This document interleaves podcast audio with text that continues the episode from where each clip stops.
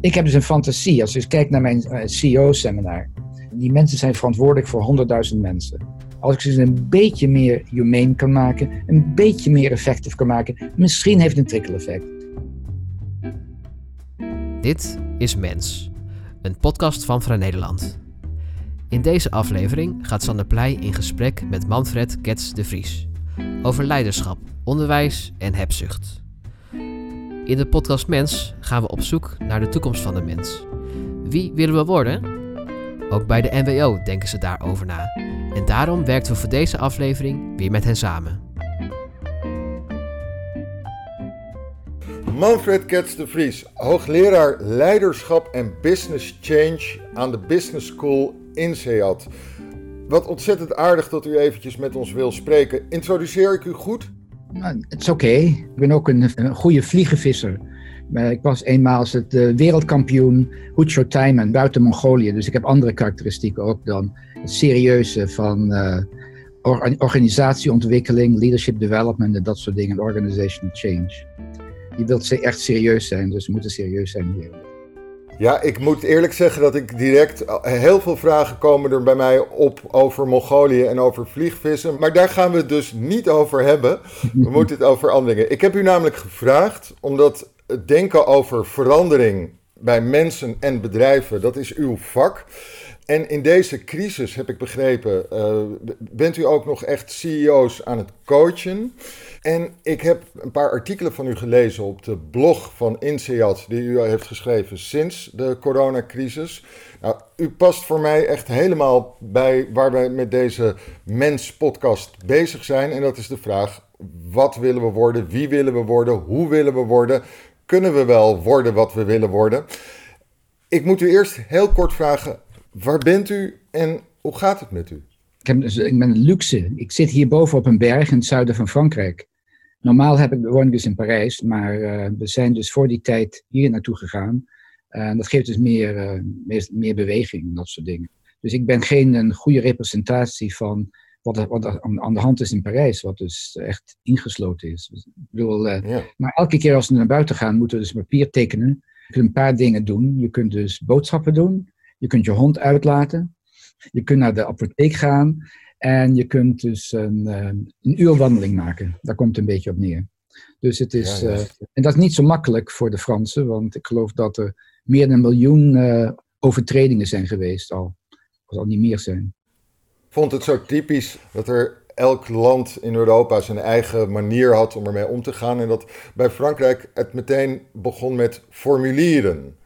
Ik dacht dat is een soort reflex naar veilige bureaucratie. Is dat zo? Ja, maar ik, moet zeggen dat Macron als een leider de beste leider is die Frankrijk een hele tijd gehad heeft. Maar natuurlijk vinden de Fransen dat niet. Uh, maar dat is een andere zaak. Maar hij, doet, hij probeert dingen te doen. Maar Frankrijk, zoals de meeste andere landen, waren niet voorbereid. En het uh, aantal doden uh, is dus ook vrij hoog gebleven. Het is eigenlijk interessant dat je kijkt naar leiderschap, dat de landen die het beste gedaan hebben, hadden vrouwelijk leiderschap. Je kijkt naar Taiwan, uh, je kijkt naar. Nieuw-Zeeland is natuurlijk een speciaal zaak, omdat het dus al omringd is door, door water. Uh, je kunt kijken naar Mrs. Merkel, die ik een paar keer ontmoet heb. Het is een dame met strong values. Niet zoals de kind of de buffoon clown die er in Amerika rondloopt. die, die, waar je dus, het is oké om een buffoon en entertainer te hebben, maar in, situaties van crisis, dan wat je dus nodig hebt is courage. Maar vrouwen zijn dus waarschijnlijk minder narcistisch dan mannen. Misschien dat heeft er iets mee te maken. Mannen zijn meer narcistisch. Is dat echt zo? En een ander voorbeeld is Denemarken, Mette. En ook, en, en ook Finland. Dat zijn allemaal, allemaal vrouwen. Maar deze is in Denemarken, dat is Mette, ik, ik weet haar achternaam eventjes niet heel goed uit te spreken. Zij was behoorlijk daadkrachtig en durfde zij direct op te treden en zware maatregelen te treffen. Ik heb een artikel over geschreven, die nu gepubliceerd wordt in Harvard Business Review. Ik schreef een artikel over courage. En de reden was dat die, mijn student me een e-mail stuurde. Hij heeft een heel groot bedrijf, conglomerate. Ik ben een beetje angstig, zegt hij, normalerwijze. Maar in deze keer heb ik dus besloten dat ik dus echt courage, moed moet laten tonen. En ik heb, ik heb dus uh, gezegd, niemand zal ontslaan worden. de topmanagement moet een reductie nemen in salaris, maar ik zal ze dus aandelen geven die, die ze dus later kunnen, kunnen inwisselen als ze dat willen. Onze crediteuren, die geef ik meer credit. En verder heb ik in een hele korte tijd 7 miljoen, ik zeg niet welke valuta het is, verzameld om die PPE's te, te krijgen voor de lokale ziekenhuizen. En die zegt, het was tegen de belangrijkste aandeelhouders, die dat niet iedereen echt wilden, maar ik vind dit is het moment dat je moet laten tonen dat je moed hebt, dat je het doen wil. Dat is dus één reactie. En ik moet zeggen, ik was echt helemaal gestimuleerd om een artikel te schrijven over courage, moed. En dus deze man, en zegt, en de reden dat ik het kan doen, is dat ik dus geleerd heb, is een, is een, een, moed is een soort spier die je moet oefenen. Als je dus kijkt in Amerika, als je vergelijkt Cuomo, de governor, met, met Trump, it's pathetic. Trump is dus wat je noemt een malignant narcissist. Ik heb al zo, ik heb al geschreven, dat is dus de slechtste vorm van narcissisme. Het houdt in een, een soort kruising tussen psychopathie, sociopathie, wat welke oriëntatie is, en narcissisme. Maar goed. Ik begrijp daar iets niet over courage, want we begonnen over de leiders die nu goed optreden en u verbond dat direct met courage. Um, er stond in uh, de kranten hier in Nederland een uh, groot artikel gisteren over twee onroerend goedbezitters in Amsterdam. Die totaal niet meewerkten met alle winkeliers, restauranthouders die huur aan ze moesten betalen. En die tegen iedereen zeiden van nee, je betaalt direct je huur. En totaal niet iets voor, die, voor deze mensen deden. Dus een soort van afstand zou je kunnen zeggen, dat waren, uh, die, die handelden niet goed. Maar was daar niet veel meer courage voor hen voor nodig om op te staan tegen. dat is een paradoxical vraag. Dat is, dat is een goede paradoxical vraag om, dat, om te zeggen. Nou, ik bedoel, uh, als je dus kijkt naar wat er, wat er gaat gebeuren na deze coronavirus, die dus, dus niet een korte pandemic is, tenzij we dus een uh, antidoot vinden. Dus er zal dus een major reset worden. En er staan heel veel veranderingen. En het probleem met veel executives is dus de authenticity, dat je dus je, gedraagt naar je waarde, of de greed factor. Je dus uh, hebzucht is iets van hebzucht. Dat is de reden dat veel executives vaak managing for the short run, omdat ze dus een bonus en dat soort dingen willen hebben, dus het, ten koste van de long run. Je kunt kijken naar de, de, de vliegtuigmaatschappijen in Amerika, die dus uh, veel winst maakten, hun, aandelen teruggekocht hebben om dus de, de, de aandeelwaarde te laten stijgen. En dus geen buffer hebben geweten. Terwijl ze weten dat het een cyclische business is. En nu gaan ze dus naar Trump toe om te, om te bedelen om geld te krijgen. Ja. Maar in de tussentijd hebben de, de, de topmanagement hebben hun bonussen gekregen. Dat is een heel andere gebak. Dit is hetzelfde probleem hier in uh, Nederland. Allerlei bedrijven worden nu gered. Booking.com, bedrijven gered waar vorig jaar de managers voor de aandeelhouders uh, honderden miljoenen, miljoenen hebben opgehaald en uit het bedrijf getrokken. Als je dus in Amerika leiders hebt die 400 maal het gemiddelde salaris van de mensen hebben, dat is waanzin. Is die 400 maal zoveel waard? Het is, ik bedoel, dat die andere mensen doen niets. Die zitten daar een beetje op hun handen. En het stopt niet. Zelfs met de financial, financial crisis of 2008 is het doorgegaan. Dus je kunt nooit voldoende aan de greed factor. Je kunt nooit de rijkste man zijn ter wereld. Je bent niet Bezos zijn, één Bezos. Hoeveel kun je hebben? Mijn vader zei altijd, je kunt maar één steek per dag eten. Ik bedoel, dus, hoeveel dingen wil je hebben? Maar goed, er wil be een reset. En wat interessant is, dat wij zijn nu een virtual praten. En, uh, en veel werk is virtual geworden. En waarom was er te weinig werk virtually? Waarom konden zo weinig mensen van thuis werken? Het heeft te maken met alweer bazen. Ze wouden dus zien dat die mensen aan het werken waren. In plaats van te zien alleen naar het resultaat te kijken. En jij hebt een, jij hebt een, ander, jij hebt een ander soort werk. Ik ook. Ik, kan, ik heb altijd al thuis gewerkt. Dat waar ik het beste werk dan, uh, dan op mijn kantoor te zitten. Want dan krijg ik, nou, ik kom er alleen maar als ik dus college geef of ik aan een vergadering ga. Om soms studenten te zien. Maar nu hebben dus nu is echt een enorm experiment geweest van virtual work. Nou, dat is natuurlijk niet voldoende, want we hebben onze social needs. Dat is, eh, we zijn een, in dat geval ook een herd animal. Maar er, er, zal dus meer virtual work gaan worden, dat dus een voordeel heeft, bijvoorbeeld, als ik naar INSEAD ga van Parijs. Ik ga dus tegen de traffic in. Er is één grote bende. Dus elke dag zitten die mensen een anderhalf uur, twee uur in de. Ja, moeten dus waarschijnlijk om zes uur of vijf uur opstaan om op tijd op werk te zijn. Wat een, wat een, wat een, eh, waarom? En dat zal dus gaan veranderen. Dat is een van de dingen die zal veranderen. Sorry, gaat dat echt veranderen? In, Fra in, Fra in Frankrijk heb je de expression plus la chance, plus la même chose. Dus we zijn als, als mensen, dus een grote, groot, je hebt er gelijk in, inertia. Ik heb onlangs heb ik een artikel geschreven waar ik zeg, oké, na de coronavirus, wat voor scenario's zullen we hebben? En ik heb twee scenario's gegeven, een optimistic en een pessimistic. Nou, de pessimistic is jouw scenario. We zijn homo sapiens, we gaan back to normal.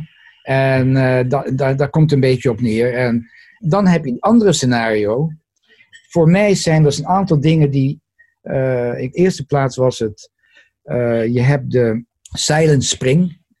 dat, dat, is, dat is in 1962 geschreven. Dat was het eerste boek dat duidelijk maakte dat we de aarde aan het verpesten zijn. Nou, talk about global warming. Dat was eerst met pesticides en dat soort dingen. In twee jaar later kwam uh, de film uit van Kubrick, uh, Doctor Strangelove. Misschien heb je dat wel gezien. En, I mean, en natuurlijk in die tijd was de nuclear cloud was uh, veel meer wat je noemt bedreiging. Want het was ook een, twee jaar daarvoor was de Cuban Missile Crisis. Dus er was een, de angst van een nuclear holocaust. En dat is nog altijd. We hebben nog altijd Noord-Korea, you know, Rocketman zit daar. En je hebt Pakistan, wat je echt in failed state, met hun uh, nuclear. Dus de tweede cloud. En je hebt de Doomsday Clock. Heb je van die Doomsday Clock gehoord? Ja. Dat is een klok die dus uh, van nu van minuten naar seconden is gegaan. We zijn nu 100 seconden voor midnight. En dan hebben we nu de pandemic. Wat, wat iedereen, niet, niet een heleboel mensen voorspeld hadden, maar natuurlijk leiders zijn ook managing for the short run. En ze hebben niet gedacht, pandemic, ach, dat is not a my call. So, heel weinig landen hebben zich voorbereid. Alleen de landen die ze meer voorbereid hebben. Wanneer je praat over uh, Taiwan en ook in, in Afrika eigenlijk en uh, Zuid-Korea, die hebben al ervaringen gehad met SARS. Dus die waren meer voorbereid. En het vierde is dat ik al jaren, de laatste jaren, door, dat, door de Trump, die me dus uh, als een professor of leiderschap, kijk ik naar zeg: Mijn god, if hij de leider was van een bananenrepubliek, fine, let him be. Was de meest machtigste man in de wereld. Met zijn vinger op de nuclear button. En, uh, en, en, en, natuurlijk heeft hij al die imitaties. Je hebt het in Turkije, je hebt het in, in, uh, in de Filipijnen, je hebt het in India. En je hebt nu al in Hongarije, waar dus de European Community, I mean, gutless wonders, uh, moet ik zeggen. en ook, het was ook interessant met de pandemic. Waar was de European Community? was e-, every country for itself. Het was pathetic. En later is mevrouw van Leyen, gaat ze, ging ze ook een beetje te bewegen. Dus je vraagt je soms af, degene die dus die posities bereiken. Er was een uh, jaar geleden was een boek geschreven, The Psychology of Military Incompetence. Zo, ja, de degenen die omhoog gingen, waren degenen die, without courage, geen moed. Ja.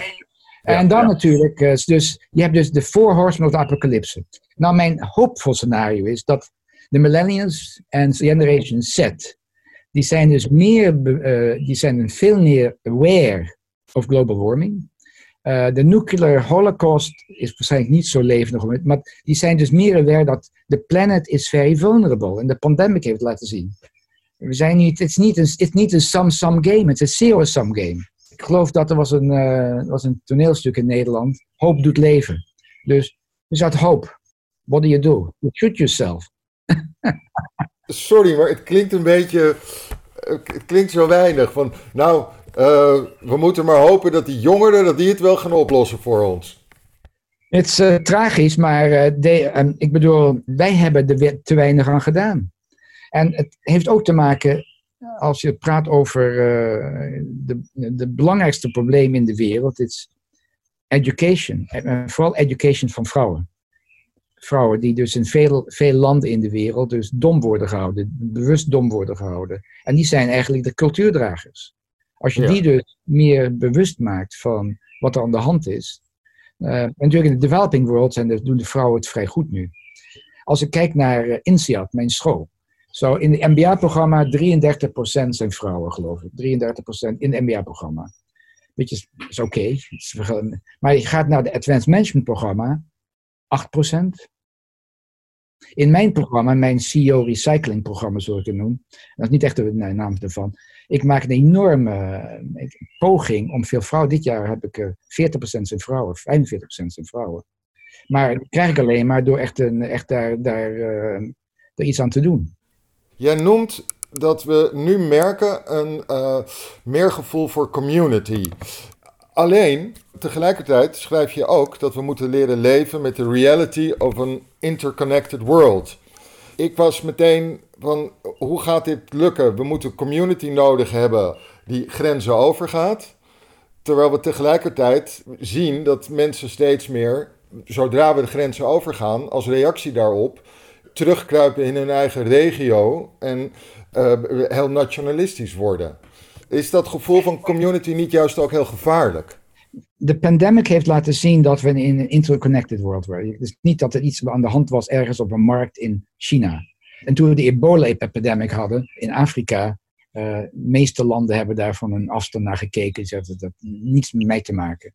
Maar dit heeft dus duidelijk gemaakt hoe we, de, hoe we een interconnected world leven. En dat zo, uh, organisaties zoals de World Health Organisatie en natuurlijk de United Nations. Het probleem is met veel internationale organisaties, de, een oorspronkelijke idee is goed, maar dan wordt het de perverted, perverted. The United Nations heeft natuurlijk ook goede kanten, maar als je kijkt dus hoe het werkt, is het uh, from een organisatie point of view, is een nachtmerrie. Dat is ook het geval met waarschijnlijk de World Bank en andere development banks. Ik ben altijd een voorstander geweest van small is beautiful. We willen dus e-, eigenlijk een soort mate van controle hebben over onze destiny. We want to have voice. En aan de andere kant, ik ben op een school, de INSEAD, is geen, geen enkel land dat uh, een overmacht heeft. Niet zoals je gaat naar business schools in Amerika of zo. We hebben een numerous clauses voor elk land. Dat, in elk land bedoel ik dat niet te veel mensen van één bepaald land kunnen zijn. En wat die, wat die jonge mensen daar, ook oudere mensen, ik bedoel, degene die ik heb, die zijn dus in middelbare leeftijd, leren met elkaar te werken. Ik heb dus 21 mensen, neem ik in mijn CEO-programma. En er zijn 16 nationaliteiten. Wat ze leren is dat de problemen kan Lagos zijn, het kan Sydney zijn. Die hebben dezelfde problemen. Dat we dus, dat we dus eigenlijk zo, zo, zoveel gemeen hebben. En, uh, en dus dit xenofobia, waar dus natuurlijk demagogues, like, like Trump en andere, dus uh, dat moet, daar moet je overheen kijken. Hoe gaat het ons lukken? Hoe, gaan we, hoe zorgen we dat er dan zo'n, je zei glocal, Local, local. Komt dan uh, cultuur erbij? Betekent, is dat wanneer we naar elkaars uh, muziek luisteren, wanneer we elkaars kranten lezen, wanneer we cultureel wat samenkomen? Nou, helaas, helaas, Sander. Als je dus kijkt naar the development of human beings. Het was een tribal society. Nou, dus het, er zal altijd een zekere mate van spanning zijn. Maar uh, je kunt het proberen minder te maken. Uh, soms word je, dus, zoals jij ook zegt, en je, je, je drukt je vinger erop, uh, word je een beetje hopeloos. Je kijkt naar wat er gebeurt in de wereld. En ik, ik heb dus een fantasie. Als ik kijk naar mijn CEO-seminar, die mensen zijn verantwoordelijk voor 100.000 mensen. Als ik ze een beetje meer humane kan maken, een beetje meer effectief kan maken, misschien heeft het een trickle-effect. Ieder van ons moet er iets aan proberen te doen. Als je een pandemic hebt, er is ook een sense of community. You element of wat kunnen we er samen aan doen. We zijn een herd animal. Maar uh, mensen zijn niet hetzelfde. Dat je dus zo bijvoorbeeld die, die, die executive waar ik het over had, die dus een uh, dus grote bedrijf runt, die zegt: Dit is een tijd om een, een, stap naar boven te nemen en niet short-term orientation te hebben. In vergelijking met de mensen waar je over praten, die, uh, die dus hun geld meteen willen hebben. Ik bedoel, het is een moeilijke tijd voor iedereen. Sommige mensen, zoals Bezos, I mean, Amazon.com doet het very, very good. Ik heb met een andere executive gesproken, die is in, in de food business. Die zegt, fantastisch. Ik bedoel, uh, het gaat geweldig goed. Je spreekt nu dus op, je, op de berg in uh, Zuid-Frankrijk als een soort ja. goeroe op de berg. Word je gebeld door die managers.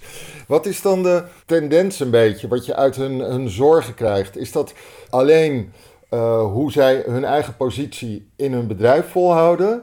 Of heb je ook soms het gevoel, voor hen is dit een soort opluchting? Dit is een moment dat ze eventjes uit deze simpele race naar meer geld uh, stappen en opeens denken van... hé, hey, er is meer, er is iets anders. Soms heb ik namelijk het gevoel dat mensen ook een beetje blij zijn, stiekem, met een crisis? Om uit deze sleur van het dagelijkse leven te stappen? Dat is een hele goede vraag.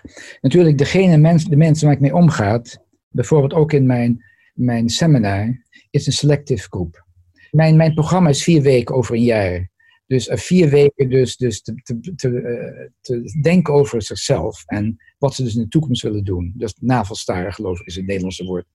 Uh, dus dus voor, voor sommige mensen is het een mogelijkheid om tot ja, reflexivity over te gaan. Dus een mogelijkheid om te zeggen, oké, een van de belangrijke dingen die we doen in het leven eigenlijk is man search for meaning. En dat vergeet je soms, want je dus, veel, van die mensen die ik ontmoet, die zijn die spenden hun tijd aan, dit zijn running. Running van, de ene, van het ene vliegtuig naar het andere, de ene vergadering naar het andere. En dus is een forced reflectivity. We hebben dus wat je noemt in het Engels de manic defense. Dus om weg te duwen, die depressieve ideeën, blijf je maar ran en dingen doen. Je blijft dingen doen. Op het moment is dat niet voor sommige mensen, want de, de structuur van het werk valt weg. Voor sommige mensen is het een mogelijkheid, zoals je zegt, om echt te denken, wat zijn de belangrijke dingen in mijn leven? En je, komt dus terug op relaties. Ik bedoel, de sense of belonging. Als je dus kijkt naar alle, elke studie. En het beroemde Harvard Longevity Studie. Het heeft te maken met, als je dus een uh, goed leven wil hebben, is te maken met goede relaties hebben met vrienden, je familie en dat soort dingen. Sommige mensen zien dat nu. En wat ik dus gezien heb, they are reaching out. Natuurlijk heb je een nieuw jaar waar mensen je nieuwjaarskaarten sturen. Maar nu heb je dus mensen die zeggen, how are you doing? Een andere groep daar heb je dus meer, en dat is wat ik gezegd heb, de cabin fever syndroom. Die uh, wordt bananas. En symptomatiek is depressive reactions en ook wife beating en dat soort dingen. You know, dus, uh, abuse. En je kunt ook je kunt verwachten dat scheidingen, dus waarschijnlijk na de pandemic, ook omhoog zal gaan. Ja, ja, ja. Uh, heb jij dit soort gesprekken met CEO's nu over de telefoon die bananas worden? Uh, sommigen worden wel somewhat banana's, die hebben de moeite mee. Maar de, bijvoorbeeld, als je kijkt naar persoonlijkheid. Je hebt dus introverts en extroverts. Nou, introverts hebben het veel makkelijker. Die hebben een vrij, vrij rijker leven. Die dus hebben niet al die external pressures nodig. Ik kan me herinneren, ik had één executive. Die had de gewoonte om elke avond zijn hele executive team mee te nemen. First om van eten en dan naar een nachtclub. En ze had een keuze. Ja, I mean, elke avond. I mean, there, there we go again. Want hij was bang om alleen te zijn. Hij, was niet getrouwd.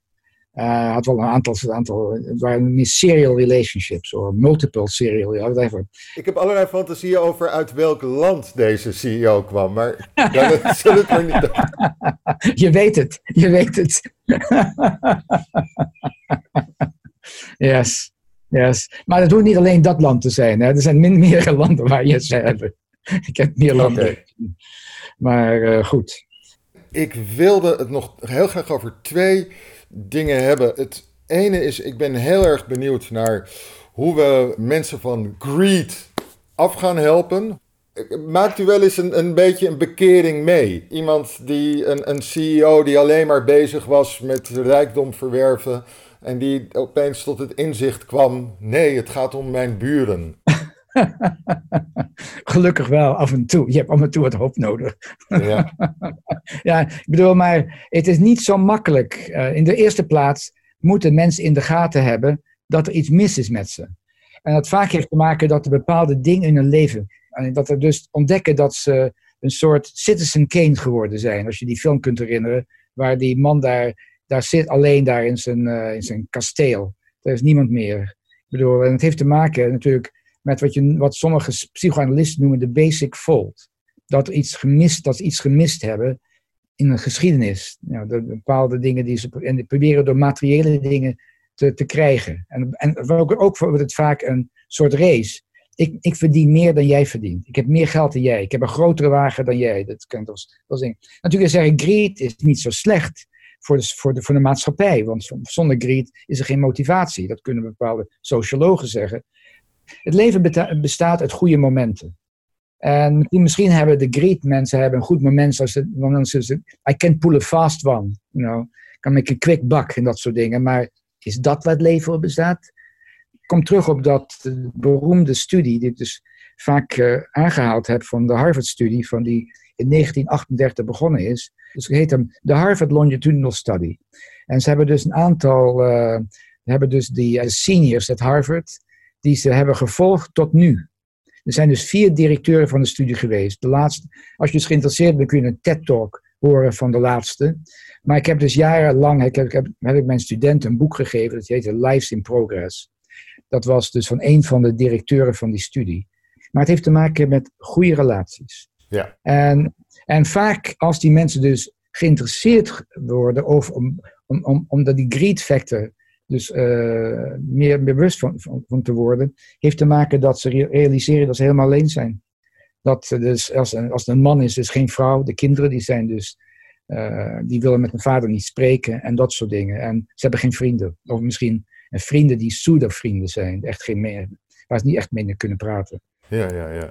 Nog een vraag over dat greed. Ik kom uit uh, dezelfde streek als waar u vandaan komt. U komt uit Huizen, meen ik. En ja. ik kom uit Naarden. Aha. Ja, en ik weet nog dat ik zat de middelbare school uh, gedurende ongeveer de hele jaren tachtig. En ik weet nog dat daar de docenten, die werden door mijn uh, klasgenootjes, die natuurlijk pubers waren en grote bek uitprobeerden. En die vertelde dan van, uh, ah, mijn vader verdient per dag wat die leraar in een maand verdient. En tegelijkertijd gebeurde het dat veel docenten ermee ophielden en uh, de IT ingingen. En die zijn, uh, waarschijnlijk nu zijn ze manager bij een IT-bedrijf en hebben ook een Tesla. Wij willen dat die mensen teruggaan naar het onderwijs en naar de zorg. En, dat die, en wij zien nu, in deze crisis, zien we weer hoe mooi de, die beroepen ook kunnen zijn. En wat, wat, wat voor waarde die beroepen hebben. Hoe krijgen we hier nou die zorg en dat onderwijs weer in? Ik kan maar één ding bedenken. En dat is ze meer geld geven. Tada. Eigenlijk, je hebt dus een interessante vraag gesteld. Ik vraag mensen soms, waar is de beste education system in de wereld? En dat weet je natuurlijk waar dat is, dat is in Finland. En in, in, in, uh, in Finland, toen uh, de Sovjet-Unie in elkaar zakte, dat was de belangrijke leverancier tot de, tot de, tot de Sovjet-Unie. Toen hebben ze gezegd, wat hebben we? We hebben wat pulp en paper. Voor de rest hebben we niets. We hebben geen olie. We hebben niets. Het enige wat we hebben is de mensen hun hersens. Dus hij zegt, en het belangrijkste is natuurlijk dat we de jongere, jongere generatie gaan opleiden. Maar we hebben normale wijze, wat je dus vindt in education, you don't get the best and the brightest necessarily there. Not the best and the brightest. So we moeten het, het hele education system veranderen. En dat is dus een long-term perspective. Wat de meeste politici dus niet hebben. Die zullen uh, weer herkozen worden. Die zijn kort, short-term oriented. Maar zij hebben het gedaan. Ze zeggen, we maken een elite profession. We maken elite scholen voor de e-, education. En we betalen ze goed. En yeah. no child shall be, shall be left behind ik kan het ook zien, want ik heb dus, ik ben niet de jongste meer. Ik kan me herinneren dat ik iets van 30 jaar geleden gaf ik workshops in, in Finland. En er was obedience to authority. Everybody was paralyzed from the hairline down, looking at me. Niet goed voor een educator. Ik moest dus, moet dus proberen dus een beetje, een beetje aan, aan, een beweging te krijgen. Ja, Finnish engineers, my god. Als je nu komt naar Finland, is volledig anders. Dus discussie aan de hand, de jongere garde, die praat met je, vraagt, vraagt. Dat was vroeger nooit het geval. Die zitten daar en luisterden. Je moet dus echt, uh, uh, ja, hoe krijg je dus mensen die dus ideeën hebben, nieuwe dingen doen. Zoals jij doet. Nou, gekke dingen doen. Uh, you know. U interviewen. dat, is ook een, dat is ook een moeilijkheid. nee, maar dus, dus, dus je, je, hoe krijg je op een andere manier waardering voor die beroepen dan door, financieel, uh, door een financieel initiatief te geven. Dat, terwijl ik denk, je moet juist gewoon betalen. Maar uh, de question is, wat is the element of satisfaction? What gives you satisfaction? We hebben, we hebben jij bijvoorbeeld, in het vak dat jij hebt. Uh, sommige mensen die zeggen, never poor again. Ik, wat, toen ik opgroeide was er geen geld in het huis. Mijn vader ging vaak bankroet. Dat was de, de, de leveranciers kon niet betalen. Never poor again. Zodat een belangrijk, wat je noemt een life anchor, is geld. Dat is de manier om ze zeker te voeren. Dat heeft nu maar onzekerheid. Andere mensen willen dus recognition hebben. Andere mensen zijn dus, ik wil dus geen leven hebben zoals mijn ouders. Ik wil een balanced family life. So we hebben different career, live anchors. En, en dat is dus uh, zo. Mensen zullen altijd anders zijn, maar misschien door uh, de juiste opleidingen, dat mensen in de gaten hebben dat geld alleen. Natuurlijk heb je een minimaal.